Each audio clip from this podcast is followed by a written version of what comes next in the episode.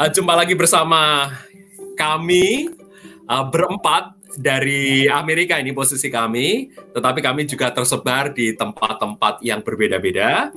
Uh, saya dari New York, uh, terus kemudian ada rekan kita Bung Perdian Tumanan yang berada di State Indiana dan Bung Adrianus Yusia yang ada di Washington DC dan Bung Hans yang sekarang ini masih di Collegeville. Masih. Masih di Collegeville di Minnesota di Midwest. Nah, ini dua tempat yang super dingin, Indiana dengan Minnesota dan uh, New York dengan Washington DC yang tidak terlalu uh, dingin. Tetapi kami, iya, kami memang bersama-sama ngumpul ini karena jujur aja teman-teman, ini karena gabut, gak ada kerjaan. ini sedang lockdown ini semuanya ini lockdown begitu kan? Dan terus kemudian kami pikir-pikir apa ya ngapain ya kerjaan ya? Udahlah kita ngobrol-ngobrol aja. Tadi saya ngobrol dengan Bung Perdian Bung Adrianus Yosia. Gimana kalau kita ngomong-ngomong tentang bagaimana sekolah lanjut?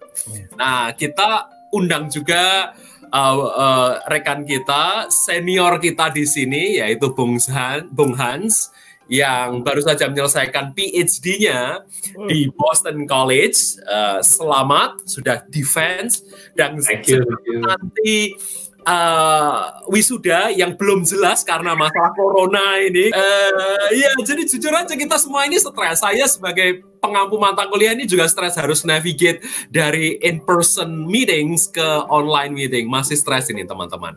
Nah, tetapi kita tinggalkan kestresan kita, kita mau uh, bersama-sama bersuka cita dengan Bung Hans dan sukacita kita bertambah karena Bung Perdian telah menerima tawaran dari sebuah universitas yang prestisius di Northeast daerah Northeast Amerika Serikat yaitu Villanova University. Yes. uh, Universitas Katolik di Amerika Serikat dan sangat-sangat prominent kita ucapkan selamat juga. Kenapa juga kita bergembira, bergembira bersama dengan Bung Perdian karena juga beliau ini mendapatkan placement PhD studies di Villanova dengan full funding, dengan full package yang diberikan selama enam tahun. Wih, sangat ngeri, ngeri, ngeri sekolah yang memberikan full funding untuk enam tahun. Di sekolah saya pun tidak.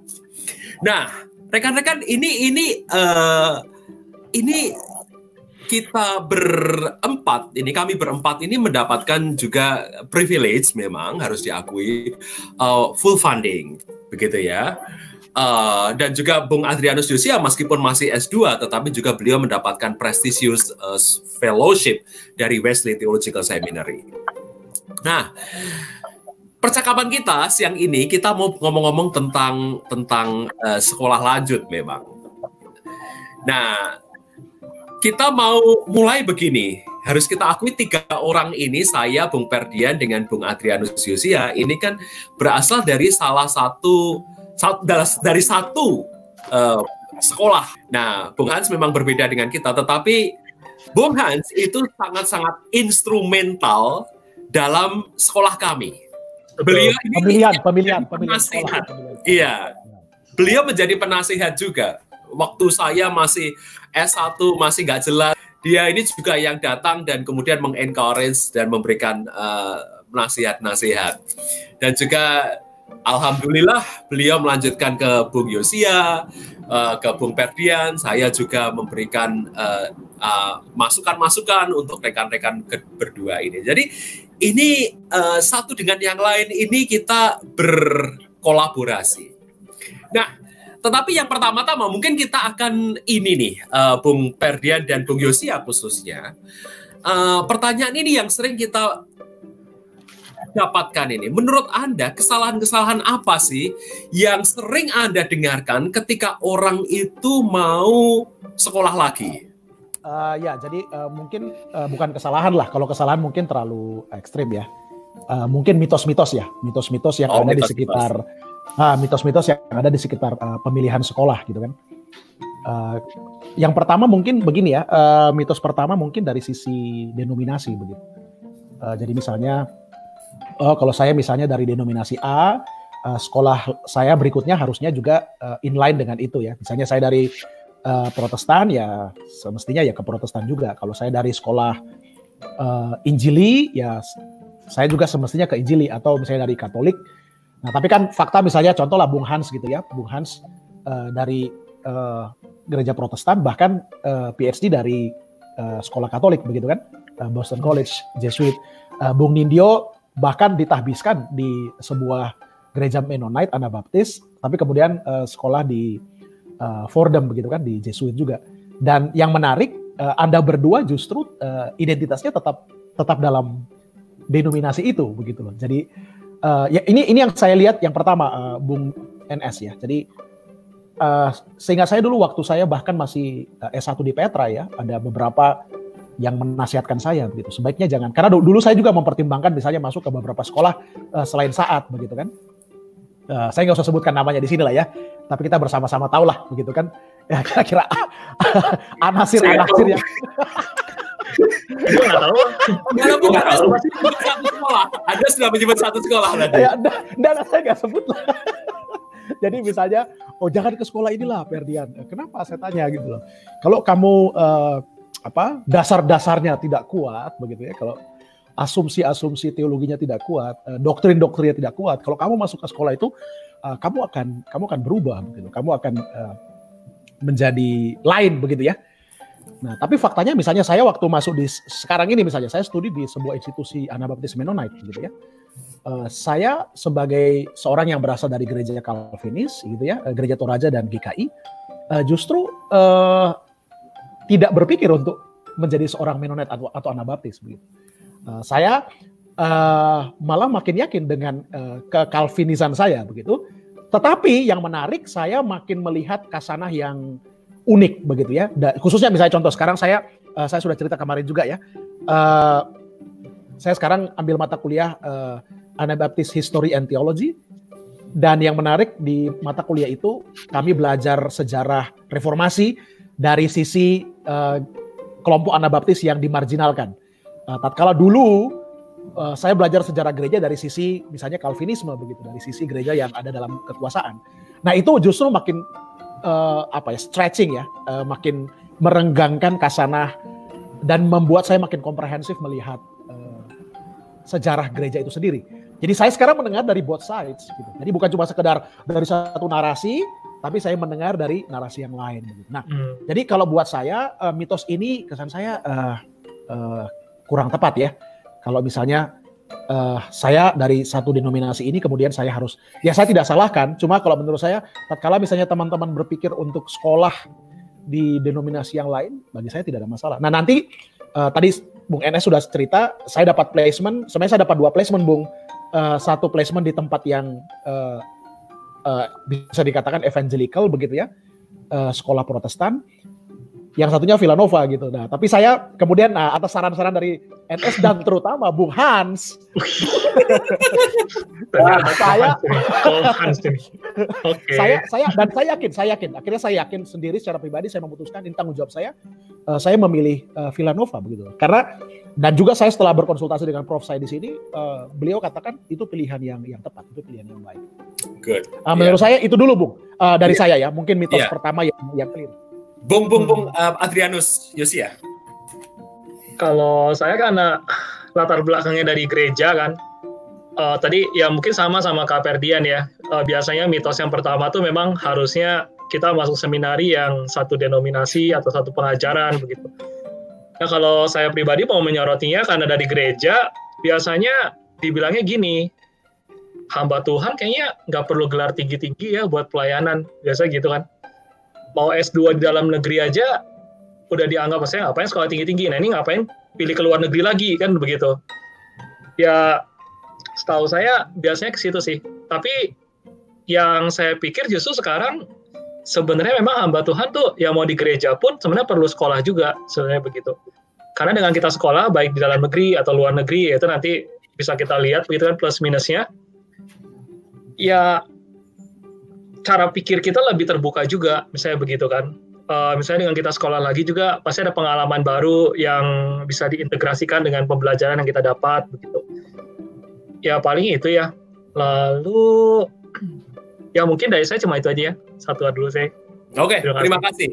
Uh, kalau saya boleh menambahkan, memang uh, saya beberapa kali dan banyak kali dan khususnya hmm. musim-musim seperti ini nih saya banyak ditanya tentang masalah studi lanjut, bagaimana studi lanjut dan ke mana sebaiknya studi lanjut. Beberapa tahun yang lalu saya ditanya begini, eh, ketika saya masih di Seattle University uh, dan kemudian uh, saya ditanya oleh seorang yang ingin melanjutkan studinya, pertanyaannya adalah begini, apakah Seattle University itu Injili?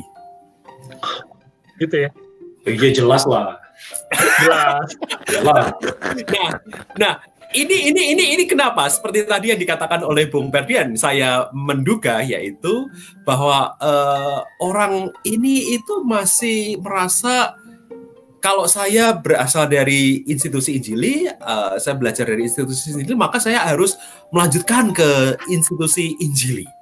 Karena kalau tidak, maka saya nggak punya pagar-pagar yang jelas atau saya nggak punya fondasi yang jelas. Saya memang memang memang dari dulu bertanya gitu, apakah saya harus uh, kalau sekolah lanjut itu ke institusi yang yang sama dengan tempat saya dibesarkan, gereja saya atau sekolah yang saya dulu itu uh, ikuti.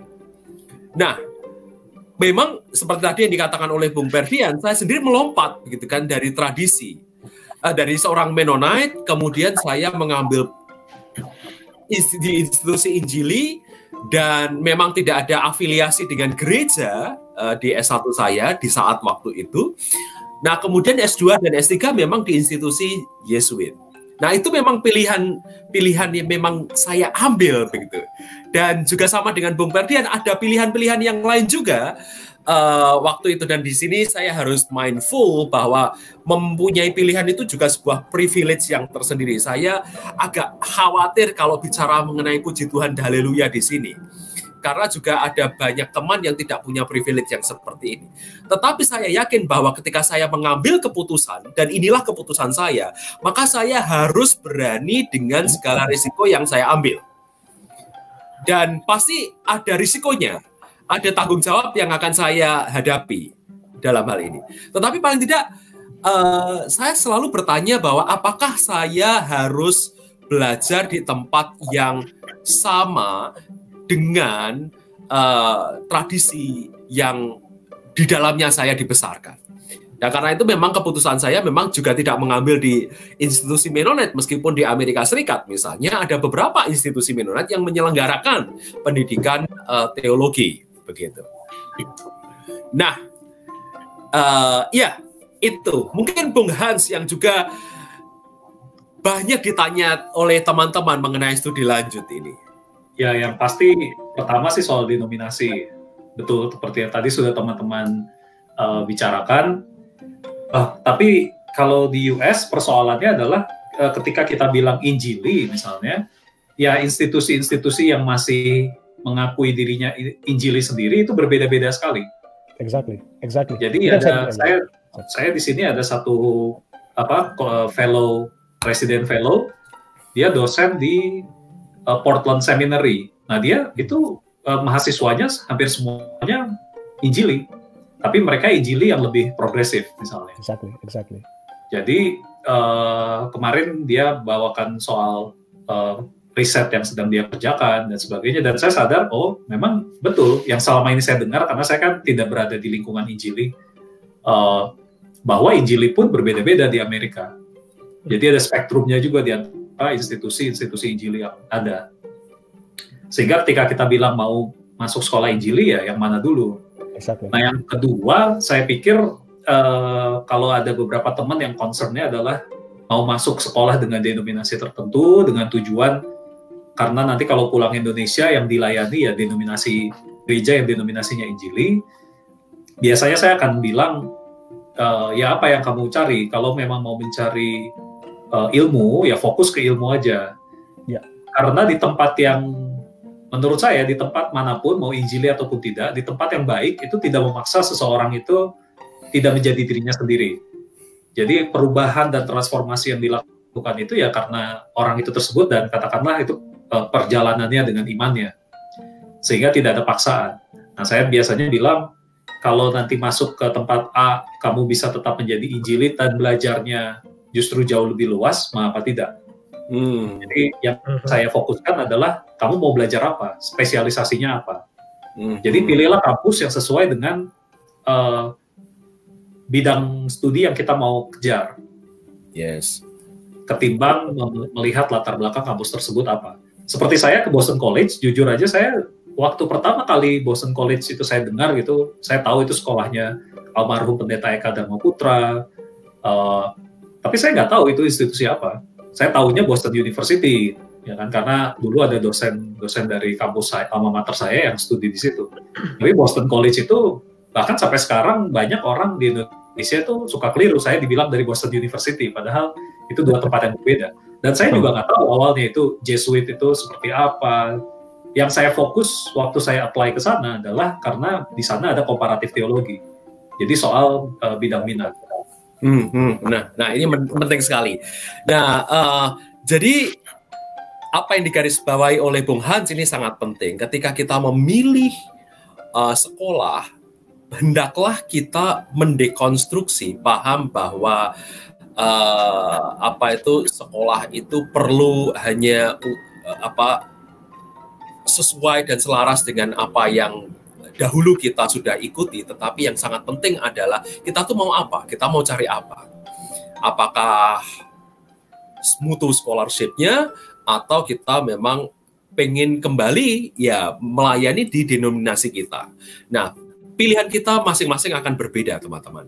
Terima kasih. Hal ini kita bisa stop sampai di sini. Kalau nanti ada pertanyaan lain mungkin kita bisa lanjutkan. Tapi pertanyaan yang kedua, kalau begitu, uh, pertanyaannya adalah sekolah yang bagus itu seperti apa sih menurut kalian? Siapa dulu nih? Anda yang baru masuk di program. Iya. kita belum mengucapkan selamat ini. Wih, waduh, opo kira. iya, kalau saya ditanya uh, tadi sebenarnya sebelum sebelum kita siaran ini saya uh, telepon dengan Bung NS ya. Uh, kemudian saya ceritakan pengalaman saya uh, sekitar tiga hari lalu saya ditanya seorang teman gitu loh ditanya uh, diskusi gitu ya sekolah-sekolah yang bagus itu seperti apa karena dia bilang dia have no idea about uh, schools di, di US gitu. Nah saya sih uh, saya bilang uh, kalau karena kalau jelaskan ini kan panjang lebar ya cuma saya bilang gini. Uh, pesan saya cuma satu sih kalau mau ditanya simple answernya itu sekolah yang bagus pasti sekolah yang menyediakan funding gitu. Uh, sekolah yang bagus pasti menyediakan uh, pendanaan untuk uh, mahasiswa dan semakin bagus itu paketnya semakin lengkap begitu. Nah, kenapa seperti itu? Saya jelaskan logikanya. lagi-lagi ini tidak tidak bicara soal materialisme ya. Uh, saya setuju dengan uh, saya pikir uh, pemirsa perlu baca notes dari NS ya, uh, Bung Nindyo yang kalau nggak salah sekitar beberapa minggu lalu dipublish. Uh, saya pikir itu itu bahan yang bahan reading yang bagus lah, yang, yang kompatibel dengan acara kita saat ini gitu. Hmm. Uh, tidak ada tidak ada tidak ada sama sekali misalnya soal materialisme, hedonisme, kemudian berpikir American Dream. Saya setuju ya ekstravaganza American Dreams gitu ya. Uh, dan senior-senior seperti uh, Bung NS dan uh, Bung Hans saya dari mereka saya juga banyak tahu gitu. Ternyata ya ya di sini juga nguli kan maksudnya banting tulang kerja gitu loh. Walaupun mereka uh, dua sahabat senior ini uh, mendapat uh, fully funding juga dari sekolah gitu.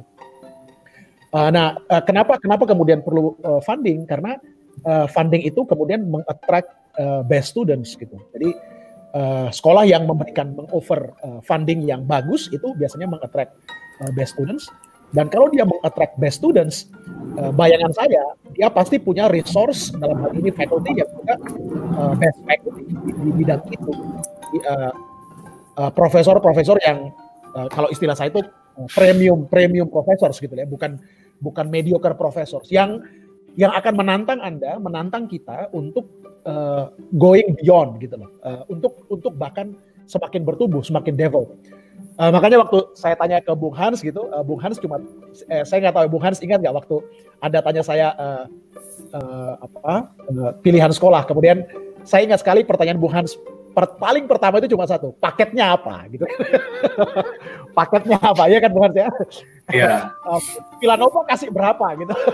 nah, uh, mungkin mungkin kalau orang yang belum tahu budaya Amerika itu pada saat dengar misalnya kalimat Bung Hans itu mungkin akan berpikir, wah, ini kok pertanyaan materialisme gitu ya. Wah, ini kok tidak memuliakan Allah. Nanya tidak memuliakan Tuhan gitu kan. Ini kok yang dikejar materi Nah, tapi justru kalau saya melihat eh, waktu Bung Hans tanya begitu, saya langsung paham gitu. Soalnya pertanyaan Bung Hans itu itu menyiratkan satu indikator yang sederhana sekali gitu. Anda akan tahu itu best schools kalau dia providing uh, uh, full package, uh, full funding hmm. untuk Anda. Dan kalau Anda terpilih, itu berarti uh, you are one of the best candidates yang yang bagi mereka itu bukan hanya bukan hanya Anda akan uh, mampu belajar menyelesaikan studi, tapi bahkan mungkin bisa berkontribusi untuk tempat itu. Makanya kenapa dia mau uh, bayar Anda begitu. Saya saya mungkin di situ dulu, Bung NS. Hmm.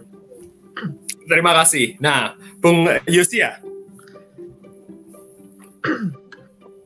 Ya kalau saya sepakat sama Kak Ferdian, karena kalau saya ngelihatnya kenapa salah satu sekolah yang baik itu harus fully funded begitu? Karena ya manusia itu kan nggak akan berpikir kalau perut kosong ya. Kan kalau perut nggak diisi dulu ya kita nggak berpikir gitu. Jadi kalau memang filosofi pendidikan itu mau menjadikan mahasiswa doktoral itu memang kayak fil filsuf misalnya begitu teolog yang handal ya istilahnya perut harus diisi dulu sih jadi memang saya pikir ya logis kalau misalnya kita cari sekolah yang baik ya harus ada uh, pendanaan yang kuat juga Nah, saya pikir juga aspek kedua selain ya Kapedian udah bilang juga masalah profesor sih. Betul, saya sepakat.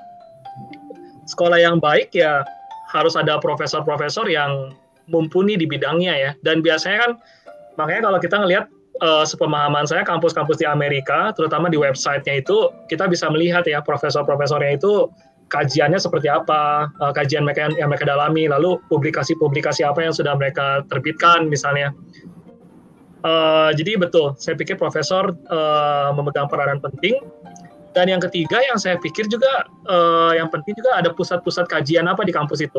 Nah, saya pikir juga penting ya. Saya di USD Theology Seminar ini ada pusat kajian teologi publik dan memang mereka pun setiap tahunnya misalnya ada kayak semacam uh, immersion ya, immersion apa ya? Kayak kayak semacam jalan-jalan begitu ya. Lalu juga ya kayak semacam pergi sama dosen misalnya ke satu tempat. Lalu ya belajar itu politik belajar juga teologi. Nah bagaimana teologi itu uh, bisa hidup di ruang publik misalnya begitu.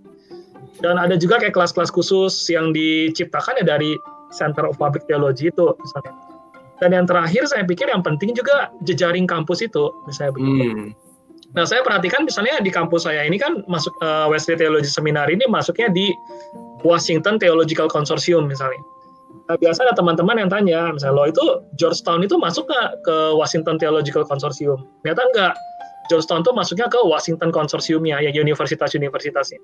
Nah, tapi poin yang saya pengen bilang, uh, ya, saya nggak tahu di kota lain ya, tapi asumsi saya adalah mungkin ada konsorsium-konsorsium juga di kota lain, begitu di mana kita bisa masuk ke kelas-kelas dari universitas atau ke seminari yang di satu konsorsium itu. Nah, jadi maksud saya bisa kelihatan jadi karena ada konsorsium ini kita jadi bisa lebih belajar lebih banyak begitu. Karena masing-masing universitas atau masing-masing kampus itu kan punya ciri khasnya, punya pengajarnya yang mumpuni di bidang tertentu juga gitu. Nah, jadi sekali lagi kesimpulan dari semuanya ya saya pikir mungkin ya cari kampus yang ada tenaga pakarnya, lalu lihat jejaring dia dan ya itu fully funded juga kali ya. Itu dari saya sih kasih. Great, great, great, great. Terima kasih, terima kasih sekali. Bung Hans. Ya, uh, nah kalau saya mungkin sedikit pushback argumentasi teman-teman tadi soal uh, funding.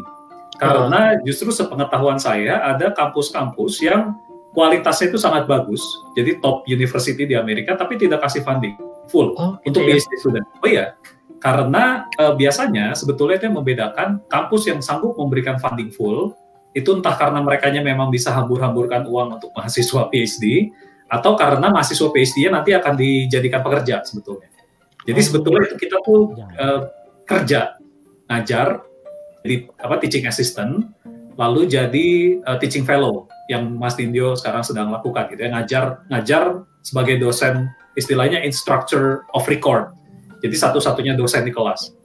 Nah, jadi uh, sebetulnya itu bukan murni kita dibayarin gratisan, ya, ya. tapi itu gaji gaji kita sebetulnya. Mm-hmm. Jadi uh, itu tergantung dari natur program tersebut. Nah, ini biasanya tentu tidak bisa dilakukan oleh seminari yang tidak punya undergrad. Nah, jadi seminari banyak yang tidak bisa memberikan paket full, tapi bukan berarti mereka kualitasnya lebih buruk dari university. Ya. Jadi maksud saya funding itu bisa menjadi salah satu indikator, betul, tapi juga itu natur programnya, apakah punya undergrad atau tidak, apakah PhD studentnya akan dijadikan pekerja atau tidak.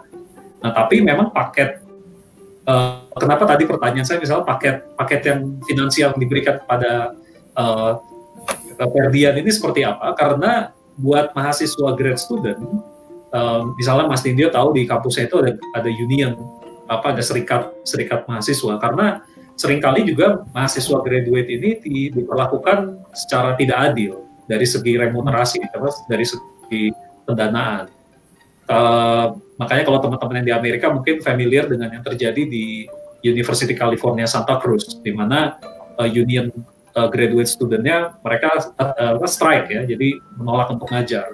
Nah jadi ini lebih lebih soal keadilan aja, jadi bukan soal perut kenyang lalu kita bisa belajar, tapi juga soal apakah kita dibayar dengan layak ketika kita harus mengerjakan pekerjaan yang banyak. Karena pengalaman saya sebagai mahasiswa PhD yang ngerjain disertasi sambil ngajar itu susah. Bisa dalam satu tahun itu kita nggak akan pegang disertasi kita karena ngajar mahasiswa. Karena satu Inggris bukan bahasa kita, yang kedua sistem kita, ya kebanyakan ya at least kita berempat nggak uh, S1 di sini. Jadi ketika kita harus mengajar mahasiswa S1 juga it takes time. Kita harus tahu bagaimana mereka. Dan kebanyakan dari anak S1 yang belajar kelas-kelas agama ataupun teologi, mereka tidak punya pengetahuan Alkitab, mereka tidak punya pengetahuan agama. Jadi kita seperti harus mengajar dari awal. Nah, jadi uh, soal makanya untuk beberapa teman yang apply ke PhD, saya biasanya menyarankan daftar ke beberapa kampus lalu dibuat semacam uh, tingkatan. Jadi kita tahu kampus mana yang ngasih full dan kampus bagus karena ada juga kampus yang ngasih full tapi tidak bagus. Nah, ini yang uh, harus diperhatikan. Jadi mana kampus yang bagus tapi tidak bagus dan bisa kasih beasiswa full, lalu mana kampus yang uh, bagus juga tapi tidak ngasih beasiswa full. Ya. Supaya kita ada alternatif ketika daftar itu, kalau kita nggak dapat yang full, at least kita dapat kampus bagus. Cuma mungkin kita harus cari beasiswa dari luar. Mm -hmm. Itu uh, mungkin tambahan untuk poin teman-teman. Great, great. Ya, ya, ya.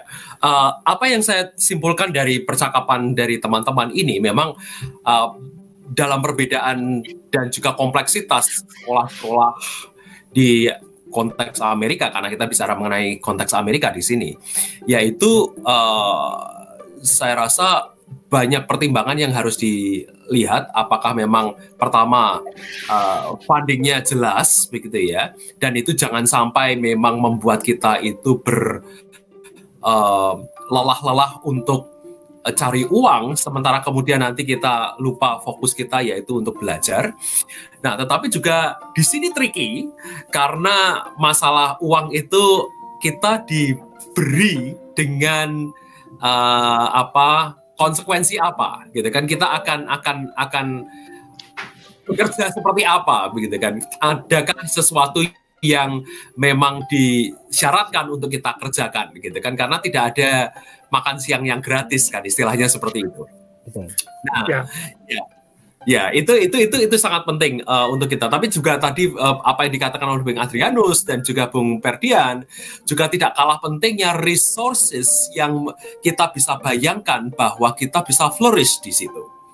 Bisa ya saya berdiskusi dengan Bung Perdian juga kenapa sampai akhirnya uh, beliau itu mengambil di Villanova. Uh, selain fundingnya kuat, juga ada kesempatan untuk mengajar dan bagaimana persiapan Eh, menjadi seorang faculty itu sudah jelas secara filosofinya begitu ya. ya. Mungkin Bu Ferdian mau mau bicara mengenai hal ini. Kenapa Anda akhirnya mengambil itu begitu? Oh, aku malu sama Hans. Ya. iya, saya saya itu jujur uh, ya memang tantangan uh, ya, dalam discernment saya kemarin ya. Mungkin Bung NS uh, sedikit banyak tahu ya. Uh, saya juga sempat diskusi dengan beberapa teman gitu ya. Yang jadi kegalauan saya dengan Villanova ini kan karena kan programnya baru ya. Mm-hmm. Uh, mereka baru kalau nggak salah baru launch itu 2016. Yes. Dan memang program mereka itu didesain enam tahun, bukan lima tahun. Nanti saya akan jelaskan. Itu karena memang dan itu berarti uh, lulusan pertama mereka nanti 2022. Nah artinya sekarang ini mereka belum punya graduate dan itu berarti graduate mereka belum ada di job market. Gitu. Nah nanti mungkin nanti Bung Hans dan Bung NS bisa jelaskan ya eh, tentang apa itu job market dan kenapa itu penting misalnya di di sistem Amerika begitu. Nah, saya diskusi dengan beberapa orang kemudian uh, beberapa orang itu bilang, "Wah, kesulitan di Villanova ya berarti di situ uh, network berarti kurang kan kalau misalnya anggaplah misalnya omong kosong saya ingin misalnya cari cari uh, kerja misalnya di di Amerika misalnya. Nah, itu akan dianggap lemah gitu loh karena belum ada uh, graduate dan belum ada orang dari Villanova yang kerja di Amerika Serikat. Gitu. Nah, cuma kemudian uh, kenapa akhirnya saya memutuskan Villanova itu karena kalau saya lihat di web dan teman-teman bisa lihat di websitenya gitu, uh, dibandingkan dengan beberapa sekolah yang yang saya daftar dan ada juga yang memberikan placement, uh, yang saya suka itu filosofi mereka ya dari visi misi gitu ya, kemudian di breakdown menjadi profil PhD students, kemudian di breakdown lagi menjadi uh, timeline uh, program selama enam tahun dan terakhir menjadi courses itu sangat clear begitu Bung Enes. Hmm. jelas sekali. Jadi saya bisa paham misalnya kenapa dia menciptakan mata kuliah ini. Uh, itu itu kita bisa lihat uh, ke atas gitu. Contoh misalnya uh, Villanova sangat sangat karena dia Agustinian ya. Dia sangat hmm. buat ya, integrasi antara teologi dengan culture gitu nah saya bisa tahu misalnya kenapa mata kuliah ini penting uh, dikaitkan dengan visi dan misi ke atas begitu nah itu yang pertama Bung Nindyo jadi saya uh, saya amazed dengan dengan dengan bagaimana mereka mendesain uh, program PhD mereka gitu. Nah, yang kedua kemudian uh, contoh misalnya juga mereka uh, ingin studinya itu tidak hanya satu fokus. Dia ingin studinya itu uh, sejak awal itu menentukan dua fokus kayak saya saya kemarin saya pilih sistematik dengan etika gitu. Nah, salah satu asumsi sederhananya memperluas memperluas uh, uh, uh, peluang di job market begitu. Jadi misalnya kalau kamu tidak bisa di teologi, kamu bisa di etika. Kalau kamu nggak bisa di etika, kamu bisa di teologi. Kasarnya begitu ya. Kayak misalnya saya sekarang, misalnya saya sekarang kan di teologi and studies.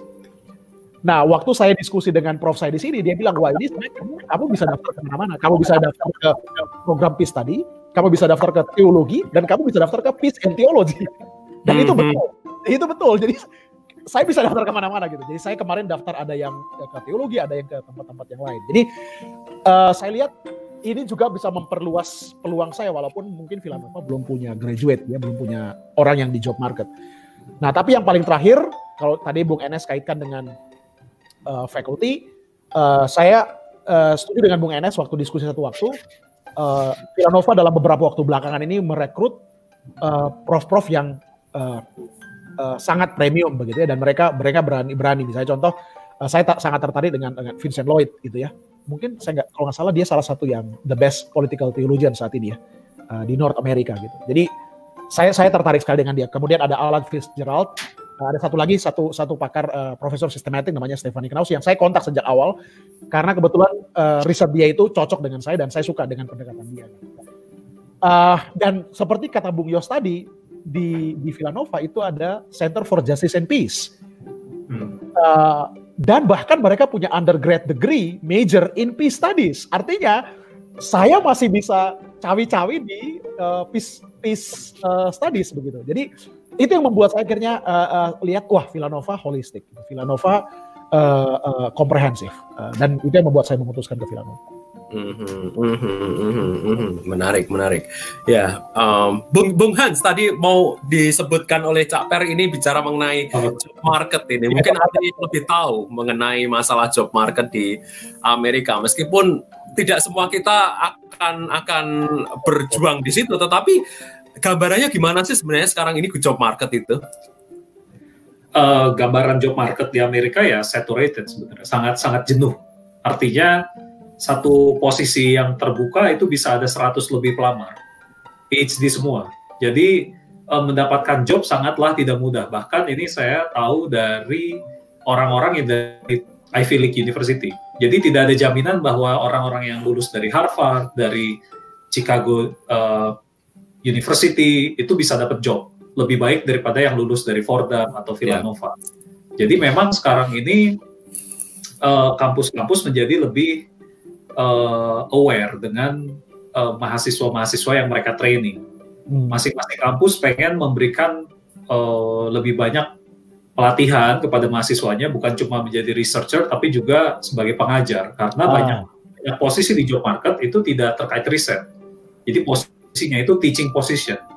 Nah kalau teman-teman melihat ke namanya job advertisement iklan-iklan itu kelihatan mana kampus yang meminta kita sebagai researcher mana yang uh, teacher teacher kalau yang teacher itu ngajar satu semester empat mata kuliah at least tiga Sedangkan kalau yang researcher itu mungkin bisa cuma satu atau dua per semester. Tapi memang untuk masuk ke kampus-kampus seperti itu kansnya sangat kecil. Jadi uh, biasanya pertarungan nih kalau kalau kita orang Amerika ya pertarungannya udah dimulai dari pilih master. Jadi orang-orang itu pilih master program yang bisa memperbesar kemungkinan mereka masuk PhD program yang bagus. Tapi untuk teman-teman misalnya yang di Indonesia sudah punya pekerjaan, akan kembali ke Indonesia, yang seperti itu bisa menjadi uh, tidak perlu terlalu dipikirkan. Itu bisa apa worry free, tidak perlu tidak perlu menjadi beban kekhawatiran. Tapi bahwa kampus-kampus itu memang berusaha memasukkan lebih banyak orang ke ke kampus lain. Jadi di sini itu trennya kan kalau di Indonesia kebanyakan kampus maunya alumninya jadi dosen gitu ya. Iya, iya. Kalau ya. teman-teman cek pasti di kampus masing-masing apa ada yang alumninya. Mungkin cuma satu atau dua, nggak banyak. Dari dari 20 dosen betul. satu yang lulusan dari Betul sekali, betul sekali. Iya. Iya, apa yang dikatakan Bung, Bung Hans itu itu sangat sangat benar. Di sini di Amerika, diversitas dari sebuah departemen itu sangat-sangat besar begitu dibandingkan dengan Indonesia. Nah, kalau kita lihat Indonesia nyaris 99% faculty itu pasti dari dalam sendiri begitu kan. Dan itu itu sangat-sangat berbeda dengan uh, kondisi di, di di Amerika Serikat ini. Dan juga bicara mengenai job market itu juga betul sekali. Dan memang kayaknya kebanyakan sekarang yang dicari bukan researcher tetapi orang bisa ngajar. Saya menjadi bagian dari Louisville Institute uh, fellowship, salah satu fellowship yang mereka berikan dan uh, semester lalu itu ada pertemuan dan salah satunya itu lulusan University of Chicago. Dan dia tidak mendapatkan job market. Uh, saya menyebut begitu bukan bukan artinya Chicago tidak lebih baik, tidak sama sekali tidak. Tetapi kita melihat kejenuhan uh, job market di Amerika itu sedemikian rupa begitu. Nah, ini ini yang juga menjadi menjadi perhatian banyak sekolah seperti yang tadi juga disebutkan oleh Bung Hans. Makanya bagaimana sejak awal memang sekolah-sekolah di Amerika membidiknya adalah punya kesempatan yang besar untuk bisa langsung bertatap muka dan mengajar. Di satu sisi ini bisa tricky karena dengan demikian sekolah itu hire uh, faculty yang murah mereka nggak usah bingung masalah uh, apa namanya insurance dan sebagainya, tanggungan-tanggungan ini itu gitu kan mereka bisa mempekerjakan uh, mahasiswanya. Tetapi di sisi yang lain memang sekolah ini pada berjuang kalau sekolahnya itu atau alumninya itu tidak bisa bekerja, mereka juga akan akan akan ya. bergumul begitu dengan hal itu. Ya, Satu, satu lagi ya terima kasih Bung Hans tadi sudah sampaikan soal uh, teaching ya. Terima kasih itu karena bagi saya penting ya. Uh, dan dan uh, kalau saya tambahkan satu alasan saya kenapa saya pilih Villanova karena di Villanova tadi uh, saya bilang enam tahun ya. Uh, karena di tahun ke-6 itu jadi sebenarnya disertasi di sana juga sama tahun ke, sampai tahun kelima, tapi ada satu tahun tahun ke-6 itu khusus uh, ada satu program namanya Heart Heart for Teaching.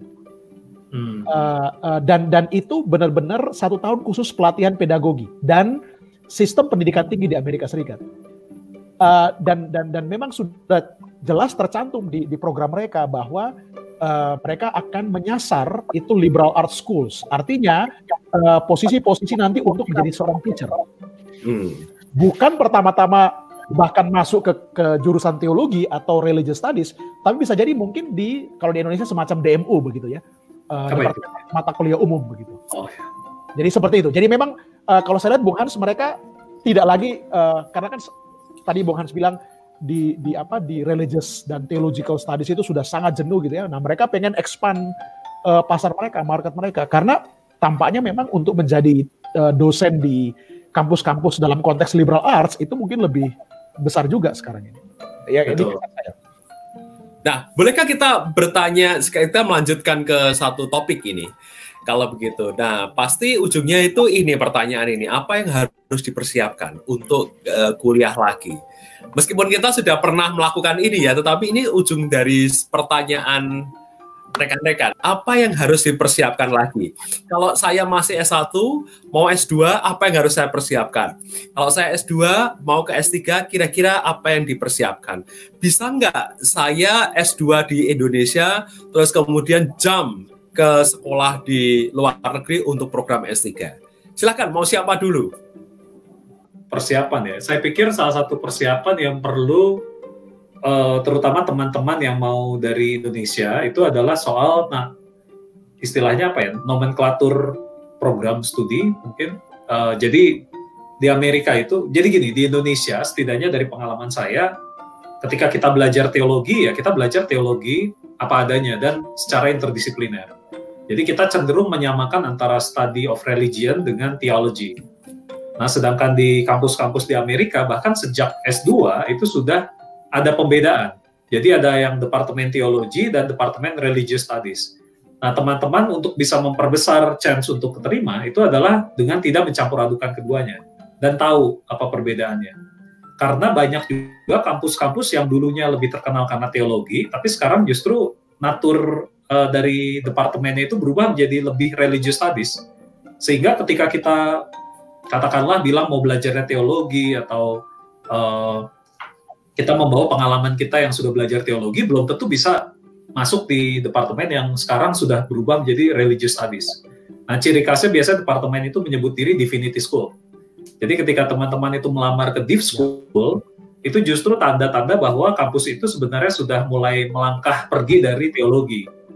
Artinya kalau teman-teman mau daftar ke sana harus mempersiapkan diri dengan lebih interdisipliner. Jadi tahu teori-teori studi agama, tahu pendekatan-pendekatan sekarang apa, sehingga ketika melamar ke sana bisa uh, masuk. Tapi ini juga menjadi pertimbangan, apakah kira-kira nanti teman-teman memang mau belajarnya ke religious studies atau teologi.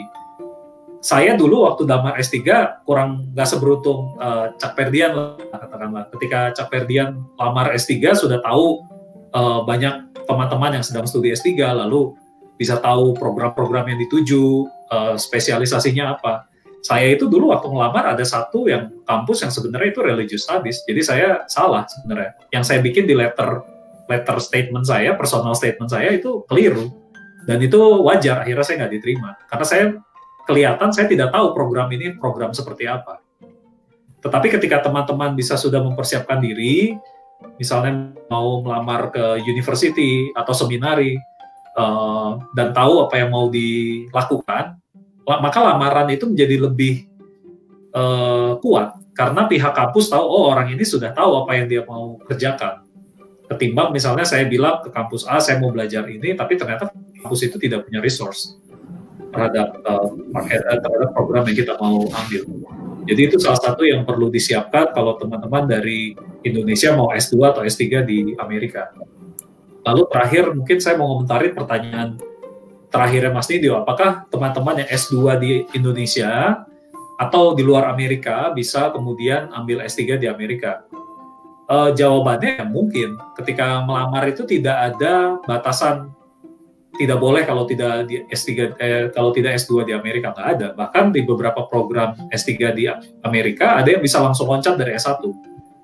Kalau orang itu sangat eh, extraordinary. Hanya saja memang chance-nya itu menjadi lebih sulit karena uh, ini persoalan kenal nggak kenal. Ya, jadi masalahnya tuh ketika program studi S3 memberikan seorang mahasiswa beasiswa katakanlah Caperdian gitu ya diberikan enam tahun. Kalau mereka tidak benar-benar tahu apakah orang ini bisa menyelesaikan program atau tidak, itu akan sulit buat mereka untuk memberikan beasiswa sebanyak itu.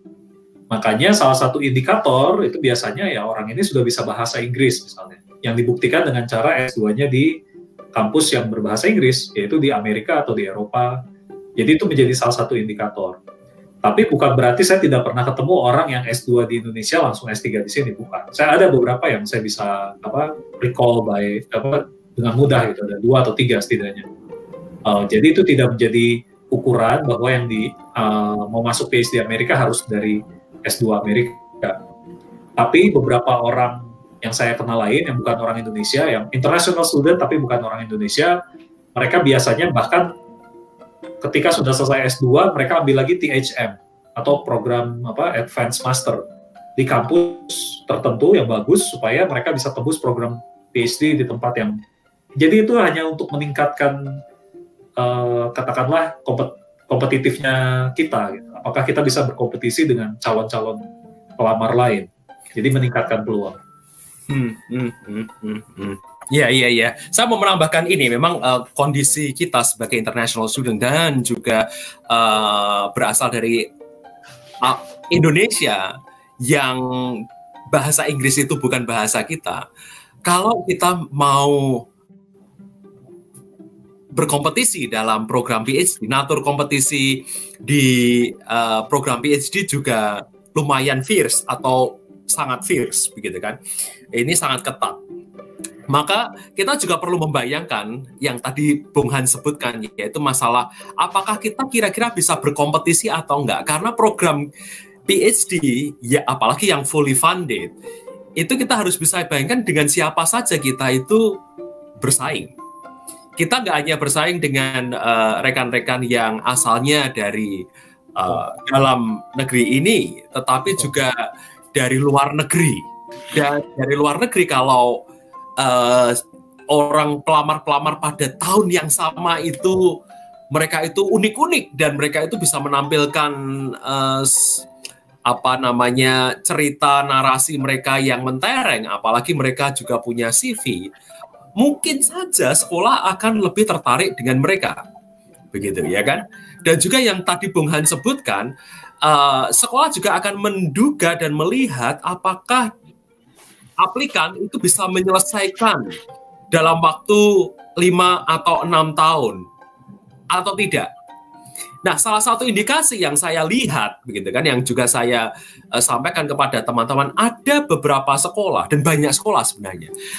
Oleh karena kondisi seperti tadi yang kita sudah sampaikan, uh, pekerjaan di Amerika itu sangat-sangat jenuh, maka mereka lebih memilih orang-orang yang sudah punya posisi ketika kita melamar di letter of intent, statement of purpose kita itu sudah kelihatan bahwa uh, kita sudah punya pekerjaan, gitu kan, dan kita secure dengan pekerjaan kita.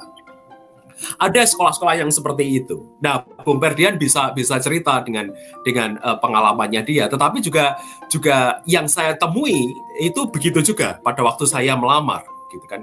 Ada pertanyaan kalau kamu nanti selesai mau apa? Nah, itu itu sudah ditanyakan dari awal. Jadi jadi uh, di sini kita juga perlu perlu perlu pikirkan. Nah, itu untuk S3 rekan-rekan. Nah, S2 ya saya rasa kemampuan bahasa Inggris kita itu perlu ditingkatkan. Paling tidak kita perlu excellent dan uh, dua hal bahasa Inggris yang aktif secara percakapan dan juga tulisan itu yang harus lebih baik gitu. Nah ini oh, boleh ya. saya tambah sedikit. Jadi poin-poin uh, Mas Didio soal bahasa, uh, beberapa orang yang nanya ke saya soal S2 itu kemudian merasa akan sulit masuk ke kampus tertentu uh, karena S1-nya kurang dan sebagainya. Padahal saya bisa pastikan kampus-kampus di Amerika ini hampir tidak tahu soal kampus di Indonesia. Jadi mau kita dari teman-teman yang dari Saat atau dari kampus saya STFT Jakarta sekarang itu hampir nggak ada bedanya buat buat uh, kampus-kampus di US. Karena itu yang membedakan selain statement uh, personal, personal statement itu adalah nilai TOEFL. Itu yang menjadi kunci. Beberapa teman yang bisa dapat beasiswa yang uh, cukup bagus seperti misalnya termasuk Bung Yosia itu salah satu indikatornya itu dari TOEFL karena itu yang menjadi TOEFL, uh, indikator universal buat kampus menentukan oh orang ini bisa jadi mahasiswa yang baik karena TOEFL dia tinggi. Uh, jadi itu yang tadi saya mau bilang. Jadi ketimbang kita khawatir dengan kita dulu waktu S1-nya uh, dari kampus apa, sekarang mau menuju kampus yang mana. Lebih baik fokus ke yang tadi Mas Didio bilang soal pengembangan bahasa Inggris.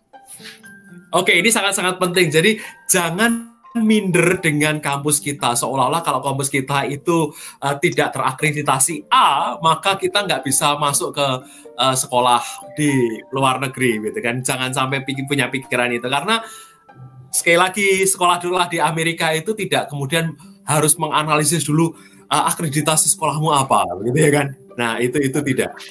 Nah begitu. Itu itu sangat penting. Bung Perdian mau menambahkan atau Bung Yosia Ya, karena saya, saya mau tambahkan mungkin uh, karena saya melalui dua proses ya, uh, master degree dan PhD, ada perbedaan signifikan uh, dalam statement of intent ya.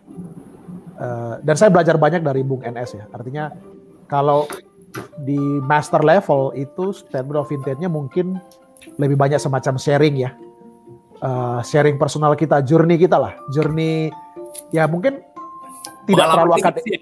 Ya, kesaksian testimoni ya. Jadi tidak ter, iya, tidak terlalu akademik nggak apa-apa begitu. Jadi uh, misalnya contoh uh, dulu saya cerita kenapa saya pilih teologi and peace studies karena uh, kejadian yang saya pernah alami ya personal. Nah, waktu Anda uh, melamar di level PhD uh, Nah makanya saya bersyukur ada NS ya waktu itu yang bongkar semua itu statement of intent saya. opo iki. dan, dan, dan dia itu sangat uh, brutally fearful ya uh, uh, NS ya. Dan saya bersyukur, saya bersyukur, saya bersyukur. Dan betul, uh, uh, artinya begini, artinya yang saya lihat uh, bukan saya tidak punya poin-poin itu, cuma saya tidak tahu bagaimana mengkalimatkannya. Jadi hmm. saya tidak tahu bagaimana uh, menarasikannya. Hmm. Saya saya sudah punya poin-poin itu dalam journey saya. Nah, cuma stressing poinnya itu saya tidak masukkan dengan baik gitu. Nah, jadi kalau untuk yang mau melamar ke PhD level, nah tadi saya setuju dengan Bung Hans uh, uh, apa TOEFL ya. Tapi juga yang paling penting jangan lupa kalau menurut saya malah Bung Hans saya nggak tahu ya karena proses PhD application saya ini saya tidak pakai GRE, Bung. Oh iya iya, biasanya. Saya without GRE. Jadi karena kemarin operasi mata begitu ya. Uh, dan without TOEFL karena sudah dari uh, sekolah di Amerika. Jadi saya kemarin cuma masukin uh, transkrip, kemudian masukin uh, rekomendasi dan terakhir statement of intent. Nah, kesan saya yang dalam aplikasi saya proses uh, personal ya, ya ini saya sendiri sangat mungkin yang paling dinilai itu ya statement of intent saya begitu. Itu mungkin bisa sampai 60% atau 65% dari dari dari penilaian begitu. Nah, karena itu uh, untuk PhD level ya cantumkanlah statement of intent yang menceritakan journey akademik. Memang betul-betul akademik. Karena PhD level itu itu bukan untuk jadi pengkhotbah begitu ya. Iya, jadi sayang sekali kalau misalnya Anda mau sekolah PhD capek-capek kemudian Anda bercita-cita jadi jadi pengkhotbah kemudian jadi karena uh, dalam statement of intent itu yang dikejar itu ya uh, uh, journey akademik begitu loh. Misalnya publikasi Anda, uh, presentasi akademik Anda. Nah, dengan kata lain, uh, kalau misalnya tadi ditanya antisipasi apa yang harus kita lakukan menjelang kita mengaplikasi uh, PhD begitu ya. Nah, perbanyaklah misalnya kayak di Indonesia kan bagus sekali ya, Bung Hans, Bung Nindyo dan teman-teman kan yang memulai ATI ya. Uh, itu bagus sekali kesan saya. Uh, jadi misalnya ada annual meeting, ya presentasi lah misalnya di ATI begitu kan. Uh, dan dan saya setuju dengan uh, Bung NS dan Bung Hans tadi. Mereka juga nggak peduli kok kita presentasi bahasa Inggris atau bahasa Indonesia kok. Uh, intinya kita aktif, kita aktif dalam dunia akademia. Jadi mereka akan melihat, oh, uh, Ferdian pernah presentasi atau pernah publikasi masuk ke jurnal akademik bahkan saya masukkan juga misalnya publikasi koran saya begitu yang saya masukkan di koran begitu dan itu itu ternyata signifikan nah, terutama Villanova karena Villanova menekankan culture and theology. Yeah, justru yeah. Uh, publikasi saya di koran itu dianggap signifikan karena itu bentuk keterlibatan saya di di ruang publik di dalam yeah, dalam yeah. culture begitu loh. Yeah, yeah. nah jadi apa pun yang teman-teman bisa lakukan sejak sekarang lakukan. Uh, tulis di koran begitu ya masukin misalnya di Jawa nggak harus Kompas kok nggak harus Kompas beneran nggak harus Kompas. Nggak harus Jakarta Post nggak harus jawab Dan mereka, mereka ya. juga nggak tahu kok. Mereka gitu. juga nggak tahu kok. They don't care about it. Ya, betul. Uh, uh, masukin Maluku Pos, Jayapura Pos. Dulu saya malah masukin itu Pontianak Pos. Saya masukin gitu. Hmm. Nggak apa-apa, nggak masalah. Setidaknya mereka melihat. Dan, dan, dan, dan paling utama kesan saya nilai nilai kebaruannya. Bahwa Anda uh, mengikuti tren yang saat ini gitu. Anda mempublikasikan sesuatu yang dibaca oleh orang saat ini. Bukan cuma sekedar oh 10 tahun lalu saya publikasi. No no, itu itu mereka tidak akan peduli. Jadi misalnya Ah, saya saya kagum dengan NS ya karena satu kali NS cerita ke saya misalnya setiap tahun setidaknya satu publikasi. Nah, saya pikir itu langkah yang baik. Gak usah banyak-banyak. Setahun nulis satu misalnya, masukin koran, masukin jurnal gitu ya. Nah, itu sih mungkin saran saya uh, uh, Bung. Oke, okay, menambahkan satu lagi, pastikan juga uh, strong recommendation dan super strong recommendations gitu kan. Rekomendasi-rekomendasi uh, dosen yang harus sangat kuat untuk memberikan anda uh, surat betul, betul sekali. untuk dibaca oleh para komite. Ini khususnya di PhD ya. Karena hmm. ada orang-orang ada ada ada uh, profesor-profesor yang malas mendap memberikan rekomendasi. Gitu. Nah ini memang harus dimulai sejak Anda melewati journey baik itu S1 maupun S2. Kalau kalau Anda mau sekolah lanjut gitu kan. Kalau Anda mau ke S3 misalnya, pastikan bahwa di S2 Anda Anda harus mendapatkan super super strong recommendations dari paling tidak dua fakulti Anda gitu kan. Dan satu lagi uh, itu juga tentunya orang yang sudah pernah melihat dan tahu performa akademik Anda, begitu kan? Ada ada dosen yang hanya memberikan uh, dua kalimat rekomendasi. Itu pernah terjadi, teman-teman, dan itu gawat sekali. Jangan pernah minta uh, orang menulis dan kemudian dia memberikan rekomendasi cuma dua kalimat. Hati-hati gitu kan itu sangat tricky makanya uh, dia harus benar-benar kuat dan dia harus benar-benar memberikan yang super super strong dan itu memang uh, sejak awal uh, dia akan tahu perjalanan uh, akademik Anda. Dan bukan hanya akademik, tetapi, tetapi juga seperti Bung Perdian, saya nanti nanti saya berikan Bung, uh, keterlibatan Anda sebagai public theologian atau public scholars itu direcognize, gitu, ya kan? Uh, karya di luar akademia, tetapi yang juga istilah Kristen itu kan memberkati banyak orang. Gitu kan. Itu kemudian yang punya pengalaman. Saya silakan. Iya. Anu apa uh, tadi saya saya tambahkan Bung Nindyo soal rekomendasi. Yeah. Pengalaman saya kemarin uh, saya saya sempat jadi gini, uh, mungkin ini trik-trik sedikit trik ya. Anda Anda tahu bahwa profesor Anda mau memberikan super strong atau sekedar strong recommendation. Jadi misalnya uh, saya tanya sama satu uh, prof saya, seorang advisor saya, uh, malah sebelum saya tanya dia langsung bilang, Perdian kalau kamu ke PhD, I will give you my very super strong recommendation.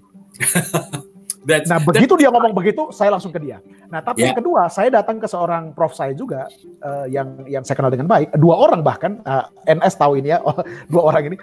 Nah waktu saya tanya, uh, bisa nggak prof berikan saya rekomendasi? Jawabannya begini teman-teman, uh, jawabannya, uh, well, ya yeah, saya akan kasih. Nah begitu saya lihat gestur begitu, no, I will not ask you. No, no, no, no, no, no, no, no, at all. Yeah, yeah, Betul. Yeah. Jadi kalau misalnya sudah ada gestur, oh, well, yes, I will give you. Now, please don't. Tapi kalau dengan passionate, dengan antusias, dia bilang, I will give you, dan pastikan ada kata super strong, go for it, go for it. Mm -hmm. Nah, yang kedua, nah, nah ini ini teman-teman yang saya juga pengen uh, sharing pengalaman saya dengan rekomendasi. Saya baru tahu kemarin dari dari prof saya yang kasih rekomendasi Jamie Pitts di sini Ternyata satu poin yang dia masukkan di rekomendasi, rekomendasi dia dan saya sangat surprise dan ketawa sebenarnya. Anda tahu apa? Teologi. Teologi dia masukin. Serius, teologi dia masukin. Dan saya tanya, loh, saya ketawa, loh, Prof, kenapa masukin itu? Itu kami coba sekedar gisi waktu luang. No, Perdian, itu penting. Itu penting. Kenapa? Karena di situ kamu kamu uh, berbicara di ruang publik. Betul. Itu artinya kamu berkontribusi di di public discourse about teologi dan dan dan follower kalian itu banyak. Nah, jadi teman-teman yang yang yang di teologi yang sudah presentasi ya, jangan jangan berkecil. Bahkan saran saya daftarlah untuk presentasi di teologi. Daftar. Dan masukkan masukkan itu di CV Anda. Dan masukin di CV. Yes, masukin di CV. Kenapa ini penting? Uh, saya menambahkan menimpali apa yang dikatakan oleh Bung Perdia dan ini juga yang saya dengar waktu di Louisville barusan ini Louisville Institute uh, mentor kami mengatakan bahwa hal yang semacam ini ini termasuk lecture Anda, public lecture. Exactly. exactly. Nah, Anda menjadi public scholar di sini. Makanya rekan-rekan yang S1 pengen sekolah lagi, S2 pengen sekolah lagi, begitu kan. Hal ini harus Anda masukkan. Karena ini kontribusi Anda untuk halayak yang lebih luas. Jadi Bung Adrianus Yosia, kalau Anda mau sekolah lagi, uh, lecture-lecture Anda di teologi betul, Siap. betul, Iya betul betul betul betul Gitu. betul betul betul sekali. Pu- Betul sekali. public engagement Betul. yang yang juga sangat penting. Oke, satu lagi ini sudah sudah lebih dari satu jam, tetapi percakapan kita menarik. Tapi ini yang saya rasa juga tidak kalah pentingnya. Apa pentingnya bagi anda mempunyai sahabat-sahabat dalam studi lanjut? Dulu saya harus mengakui bahwa studi saya itu banyak terbantu oleh orang-orang seperti Bung Hans, oleh Pak Eka Putra Tupamahu, oleh uh, uh, uh, Pak Yowas Adi Prasetya, gitu kan. Mereka saya, saya kenal dan saya sebut sebagai sahabat, tetapi juga mentor-mentor saya. Bagaimana rekan-rekan ini memberikan, oh satu lagi Bung Toar juga saya harus sebutkan di situ. Bagaimana mereka itu mau memberikan masukan, mau memberikan contoh uh, statement of intent mereka, begitu kan? Tanpa mereka, saya rasa saya tidak akan bisa flourish sebagai seorang scholar. Mereka juga yang terus menolong dan memberikan teladan bagaimana menjadi seorang sarjana yang baik, yang engage dalam bidang-bidang akademik. Saya selalu sebutkan uh, saya memiliki holy envy terhadap mereka karena pada waktu masuk uh, di S2 saya nggak punya ide untuk terbitkan lagi uh, punya publikasi begitu kan. Tetapi justru orang-orang seperti Bung Hans, Pak Eka dan Pak Yoas itu yang memberikan teladan kepada saya dan saya merasa orang Indonesia ternyata bisa ya. Dan ketimbang melihat mereka sebagai saingan, uh, saya menempatkan diri saya sebagai mentor mereka dan syukur alhamdulillah mereka itu tetap membimbing uh, saya sampai saat ini gitu kan dan dan bagi saya itu sebuah uh, hal yang sangat penting untuk saya itu bisa studi lanjut dan berhasil sampai saat ini. Jadi sahabat dalam studi itu bagi saya sangat-sangat penting. Siapa mau melanjutkan silahkan Bung Hans atau Bung Perdian atau Bung Yosia silahkan. Ya aku di, di kesempatan ini pengen berterima kasih lah. Eh, saya saya tidak bisa menyangkal ya eh, yang Bung NS katakan tadi ya. Eh, kalau tanpa teman-teman ya eh, Hans ya, kemudian Toar, Pak Eka, eh, Pak Yoas bahkan di Indonesia dan juga eh, Bung Nindyo, eh, I cannot make it. Eh, saya bahkan pernah satu kali itu berpikir sebenarnya. Dan saya sudah cerita ke NS juga ya. Eh, karena seminari saya seminari kecil gitu loh. Seminari kecil yang di kampung ya, deso. Tapi Sugi, serius. Beneran teman-teman? Serius teman-teman. Ini sa- sampai eh eh, apalah AMBS ya, saya ingat di satu sekolah kemarin waktu saya interview ya saya diundang ke sana gitu ya yang saya juga dapat placement.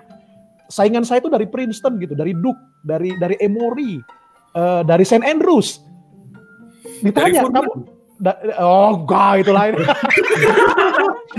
ditanya kamu dari mana aku itu merasa kecil gitu loh saya dari AMBS. AMBS itu dah pertanyaan berikutnya yang paling bencet no kan. AMBS Apa itu itu? apa gitu loh. Alamak Tuhan. Terus yang ketiga, di mana? Aku bilang ada di peta, ada di Google Map gitu. Bener teman-teman, eh, apa saya saya apa ya eh, eh, tidak menyangka begitu, tidak menyangka dengan dengan semua ini dan lagi-lagi saya merasa termasuk profesor saya di sini yang sangat saya, saya kagum saya kagum dengan teman-teman ya. Saya ingat sekali sejak semester 1 misalnya. Contoh lah eh, eh, kesan saya bukan cuma aplikasi ya. Semester 1 itu saya buat paper aja itu saya langsung eh, NS pasti ingat ya. Saya setiap eh, ada term paper saya pasti kirim ke dia gitu. Dan dan NS itu yang paling apa ya? Paling hancur lah kalau kritik gitu kan. Ini apa maksudnya ini? Ini apa ini? Ini iki opo iki? Ini kaitannya sampai introduksi opo iki? Eh, kadang-kadang jengkel gitu kan. Iki opo iki? Cek norek ya toh. Eh, bahasa orang Surabaya ya. Iki asem gitu loh ya toh. Nggak punya hati nurani kini kasih masukan. nah, cuma justru nah ini ini ini ini saya saya benar-benar ingin mengkaitkan dengan nilai spiritual ya. Justru saya mera- merasa teman-teman salah besar kalau Anda mengatakan bahwa dunia akademik itu membuat Anda tinggi hati. Justru tidak. Justru di sini saya belajar justru dunia akademik yang benar-benar akademik ya itu membuat Anda semakin eh, masuk dalam eh, true humility. Karena serius Anda dihancurin gitu. Ini dihancurin. Eh, eh, eh, benar-benar dihancurin gitu. Eh, saya kirim statement of intent saya juga ke Pak Eka gitu ya. Seingat saya saya kirim Pak Eka gitu. Pak Eka, iki opo iki? Ngapain masuk ini? Dalam hati saya ya, baru kenal aja wes gener, wes gener. Cuma saya, saya kagum maksudnya Dan yang saya kagum dengan Pak Eka adalah kan kami cuma kenal virtual, kami belum pernah ketemu in person loh teman-teman ya. Saya belum pernah ketemu Pak Eka in person gitu.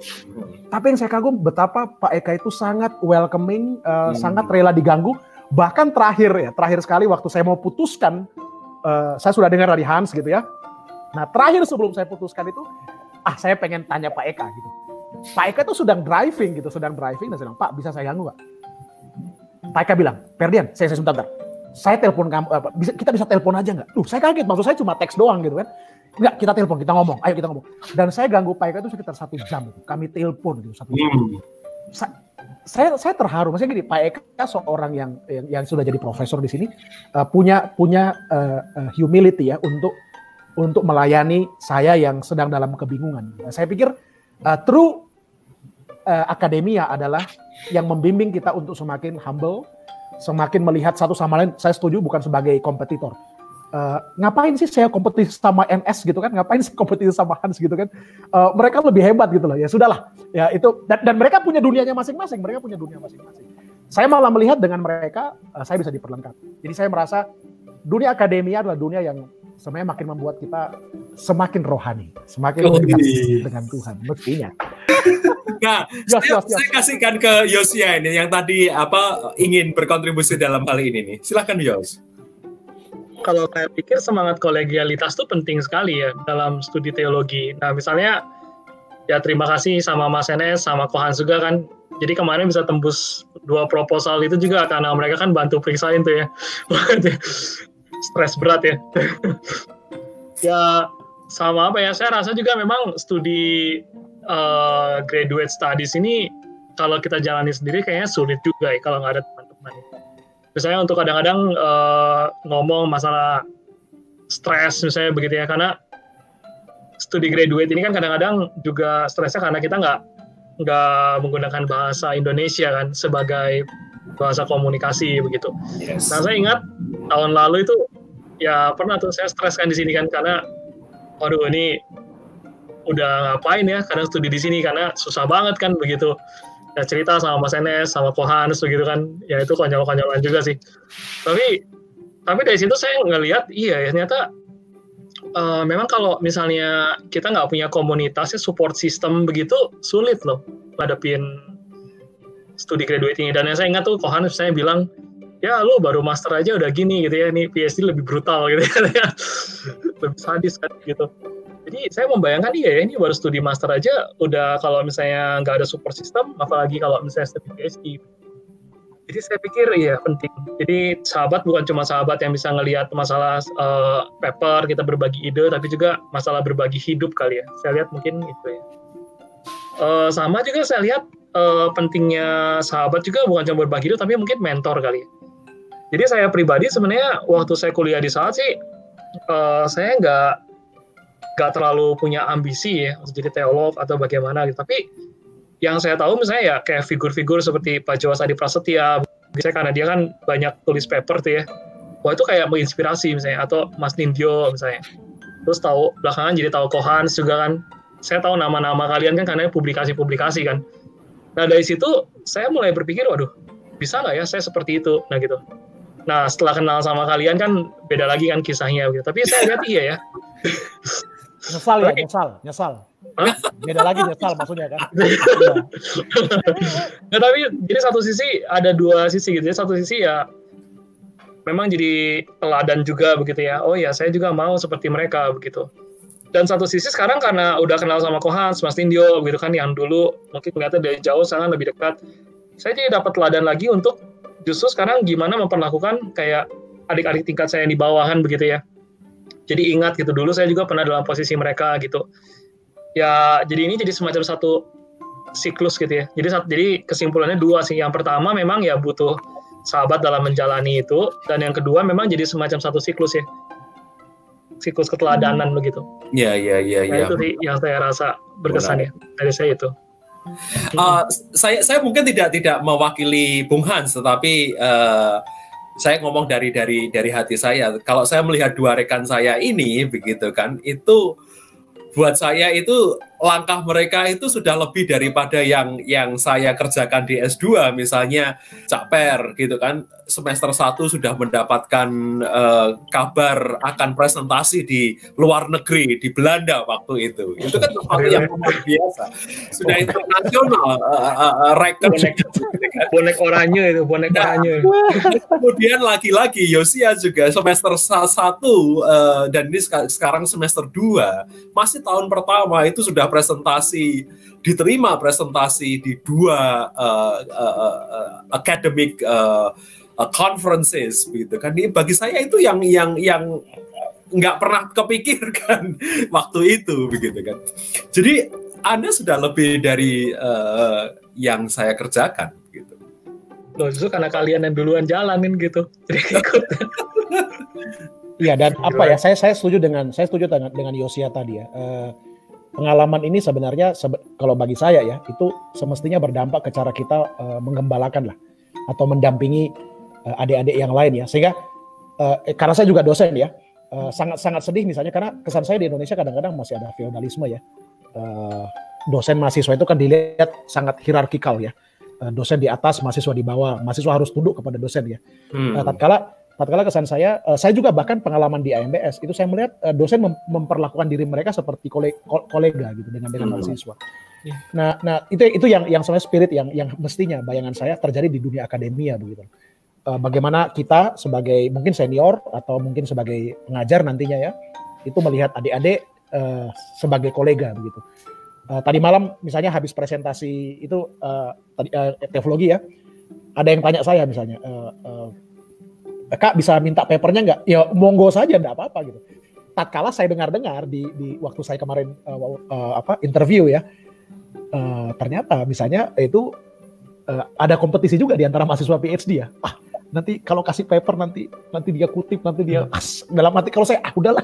Nggak nggak usah lah nggak pusing lah. Yeah. ngapain diurus sih? Sudah nggak apa-apa. Nggak adik-adik mau belajar kok. Saya jadi saya yeah. saya cuma yeah. itu uh, refleksi saya. Dan saya terima kasih itu itu bagi saya. Karena kalau tidak mungkin saya akan menjadi seorang yang juga uh, otoritarian ya. ya terima kasih lah untuk pengalaman itu. Nah Bung Hans mungkin uh, uh, silakan.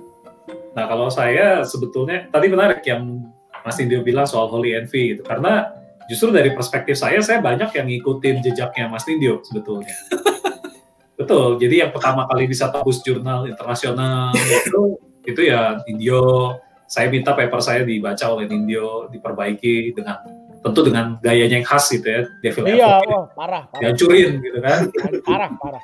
Lalu Nindyo yang waktu S2 dulu mulai apa presentasi di ER. Saya dulu waktu S2 sama sekali nggak tahu ER itu apaan Makanya memang betul seperti Nindyo juga yang iri juga dengan Envy gitu ya, iri kudus dengan uh, Cakper, dengan uh, Yosia.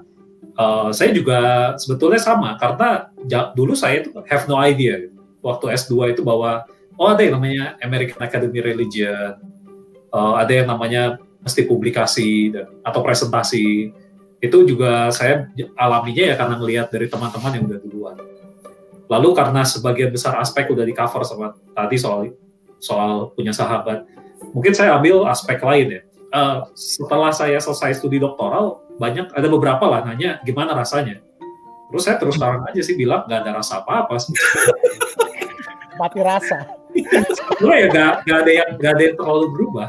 Malah sebetulnya saya merasa uh, belajarnya itu semakin mendekati studi selesai semakin kurang sebetulnya. Saya merasa yang saya tahu itu sedikit sekali dan karena itu dengan saya berkenalan dengan sahabat-sahabat lain, eh, sebetulnya itu cara saya untuk terus keep up sama scholarship sekarang. Uh, saya lumayan beruntung karena di Boston selalu ada orang Indonesia yang studi. Biasanya studi di Boston University kan. Jadi waktu saya lima tahun di Boston itu ada ada Neles uh, yang sekarang dosen di UKDW, ada Ludwig yang sekarang PhD student di Vanderbilt, mm -hmm. lalu ada Joshua Malioga, mm -hmm. uh, ada sekarang ada pendeta Andri Purnawan yang masih studi, ada waktu itu sempat Kasep Temi juga datang sebagai visiting scholar, mm -hmm. uh, ada pendeta Lydia Tadireru. Nah, orang dari orang-orang ini sebetulnya turut membentuk saya perjalanan studi, karena bidang yang saya geluti kan sebetulnya kecil sekali.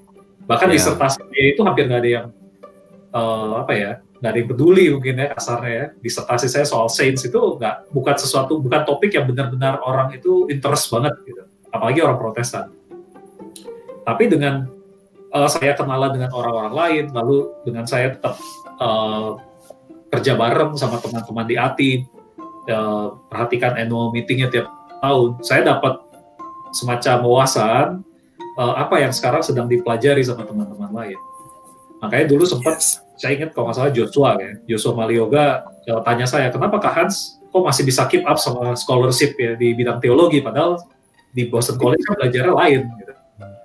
Ya karena saya sempat, waktu itu saya nggak tahu juga kenapa, tapi setelah saya renung-renung mungkin karena saya banyak uh, diskusi sama teman-teman lain, saya baca tulisan dari teman-teman, dan hampir semua literatur yang saya baca, kemudian tuh saya uh, semacam ketemu lagi pas saya mau riset untuk uh, tulisan saya gitu, oh ketemu lagi. Misalnya kemarin saya baca tulisannya Ica gitu kan soal trauma saya dapat tulisannya Shirley Rambo soal Holy Saturday uh, lalu kemudian saya sekarang lagi baca untuk satu paper yang saya kerjain untuk publikasi saya nemu itu. Jadi memang uh, beberapa kali itu kejadian saya risetnya itu dapat karena dapat di idenya dari teman-teman termasuk dari Yosia. Kayak kemarin Yosia kasih materi dia mau proposal itu kan orang saya nggak pernah kenal gitu. Tapi oh ini teorinya menarik. Jadi ya keep keep in mind gitu. Kalau misalnya nanti ketemu lagi jadi minimal udah ada uh, pernah pernah berjumpa. Jadi itu yang saya kasih sahabat dari segi akademik juga bisa memperkaya uh, kita supaya kita tidak hanya hidup dalam gelembung kita kan. Eh satu lagi boleh saya tambah sedikit ya? Oh iya silakan silakan. silakan.